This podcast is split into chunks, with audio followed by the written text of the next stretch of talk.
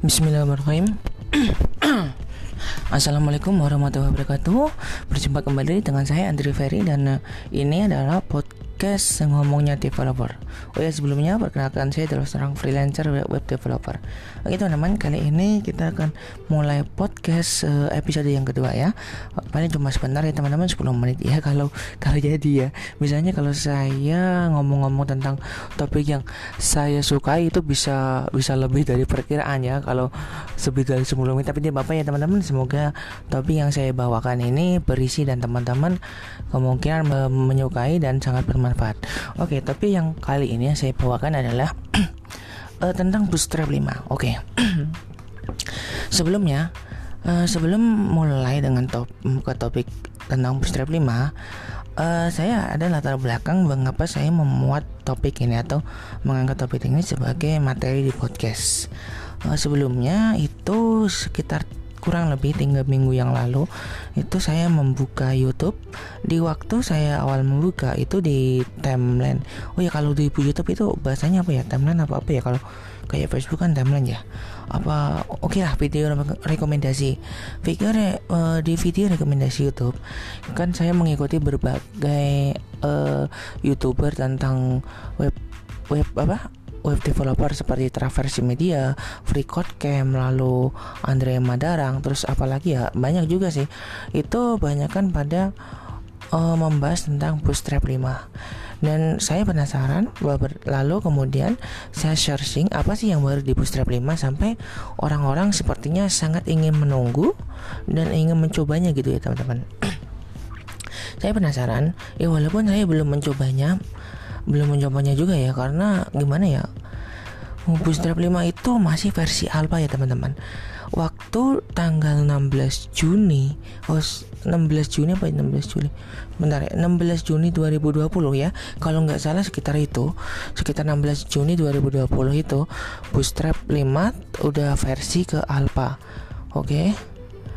ke ke versi alpha ya teman-teman muncul lagi versi alpha dan di situ banyak lagi ya perubahan.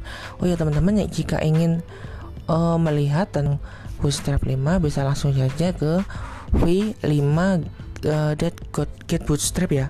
Bentar coba saya lihat dulu ke dokumentasinya. Uh, sepertinya kalau teman-teman mendengarkan ini lewat YouTube di bagian kolom deskripsi sudah saya sertakan ya teman-teman. Oh ya di bagian namanya alamannya adalah v5getbootstrap.com ya teman-teman.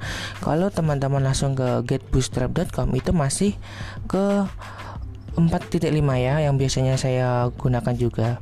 Oh ya, 16 Juni itu tepatnya Bootstrap 5 sudah rilis ke versi alpha dan membawa beberapa perubahan. Di sini sebenarnya banyak juga perubahan pada kelas kelas Bootstrap apalagi di bagian uh, layout. Layout seperti penggunaan margin dan padding itu ada penambahannya teman-teman bukan perubahan tapi penambahan yang lebih bisa membuat responsifnya itu lebih cepat teman-teman membuat layout yang responsif antara kiri dan kanan dan atas dan bawah itu sama sama itu lebih cepat ya teman-teman. Seperti penambahan margin terus padding itu di bootstrap sudah ada kelasnya tersendiri. Dan saya juga belum mencobanya ya karena juga versi alpha nanti kemungkinan juga coba saja nanti karena saya masih ada satu project yang saya fokuskan jadi sorry ya belum saya uh, sempat upload juga ke YouTube karena karena juga belum selesai dan bootstrapnya juga belum saya pelajari. Oke, okay, di sini ada dua hal yang uh, jadi jadi topik ya teman-teman. Yaitu yang pertama di hapusnya jQuery dan penambahannya library icon. Nah, di sini saya uh, ini cukup menarik juga ya. jQuery itu dihapus dengan alasan performa yang gimana ya kurang kurang bagus atau ya saya juga tidak bisa katakan kurang bagus juga tapi untuk masalah performa gitu aja ya untuk masalah performa untuk saat ini kan banyak juga aja framework JavaScript gitu ya framework JavaScript seperti Vue, Angular, Vue.js, AngularJS, eh sorry Angular, lalu React.js itu kan banyak ya menggunakan eh, namanya teknologinya yaitu virtual DOM. Sedangkan jQuery itu menggunakan langsung DOM. DOM-nya itu langsung mengarah ke elemen tersebut elemen yang dimaksud. Jadi uh, penggunaan jQuery itu bisa di uh, mengganti sorry penggunaan jQuery bisa diganti menggunakan Vanilla JS. Nah di jQuery di sini mengapa dihapuskan di bagian boost, untuk Bootstrap 5 karena itu tadi Bootstrap ingin fokus bagaimana ya mau membuat performa yang bagus juga gitu ya. Saya rasa asumsi saya seperti itu dan di sini ada lagi yaitu penambahan uh, icon library icon sebelumnya di teman-teman jika pernah pakai Bootstrap di versi 3 itu Bootstrap itu sudah punya library icon sendiri yang bernama Clip Icon. Clip Icon itu kemudian di versi keempat entah kenapa Clip Icon ternyata dihapus.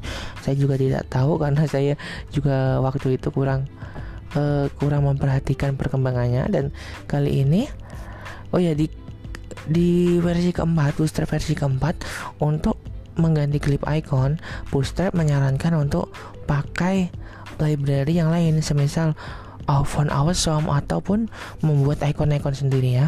Dan di sini akhirnya di Bootstrap 5 Bootstrap memakai ikonnya tersendiri ya teman-teman.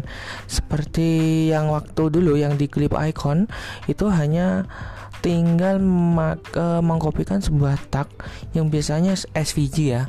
Tinggal mengkopikan SVG kemudian di custom tersendiri gitu ya. Kurang lebihnya ada 1000 icon. Benar pada enggak ya? Kalau tidak salah 1000 icon ya. Kurang lebihnya 1000 icon. Dan di Bootstrap 4 juga belum bisa di uh, Bootstrap 4 belum bisa saya coba juga. Ternyata mungkin akan launching bersama dengan Bootstrap 5 ya teman-teman Oke, itu hanya dua perubahan dan uh, ada lagi berbagai kelas juga. Kemudian pen adanya RVS apa ya RVS ya? Responsive font size. Kemudian apa lagi? Hmm, banyak juga banyak juga. Saya tidak bisa sebutkan satu persatu karena rilisannya belum resmi juga. Saya belum mencobanya ya. Oke itu aja ini sekedar ngobrol-ngobrol singkat ya teman-teman. Ternyata, belum ada 10 menit. Tapi tidak apa-apa. Oh ya teman-teman selagi menunggu 10 menit uh, tujuan saya membuat podcast ini adalah menunggu menunggu proyek saya selesai ya. Jika proyek saya selesai kemudian nanti akan saya share kemudian akan saya share ke GitHub dan kemudian akan saya share juga di YouTube bagaimana membuat proses ini dari nol sampai jadi gitu ya teman-teman dan untuk saat ini saya lagi, uh, baru mencoba yaitu menarik API dari apa namanya di website lain menggunakan Laravel ya. Kemudian layoutnya saya buat sendiri menggunakan HTML, CSS. Kemungkinan juga akan menggunakan Stripe juga. Dan itu tema yang saya buat di website ini adalah uh, movie. Movie list ya seperti movie application. Semisal hari ini ada film apa yang terbaru gitu nanti dia akan merefresh sesuai dengan uh, website yang kita tarik gitu ya. Seperti itu. Dan semoga saja cepat selesai ya teman-teman. Dan terima kasih sudah mendengarkan podcast kali ini. Dan apabila ada salah kata ataupun Eh, kata-kata uh, yang kurang uh, kurang enak didengarkan saya mohon maaf ya. Mohon maaf sebesar-besarnya dan terima kasih. Salam dari saya wassalamualaikum warahmatullahi wabarakatuh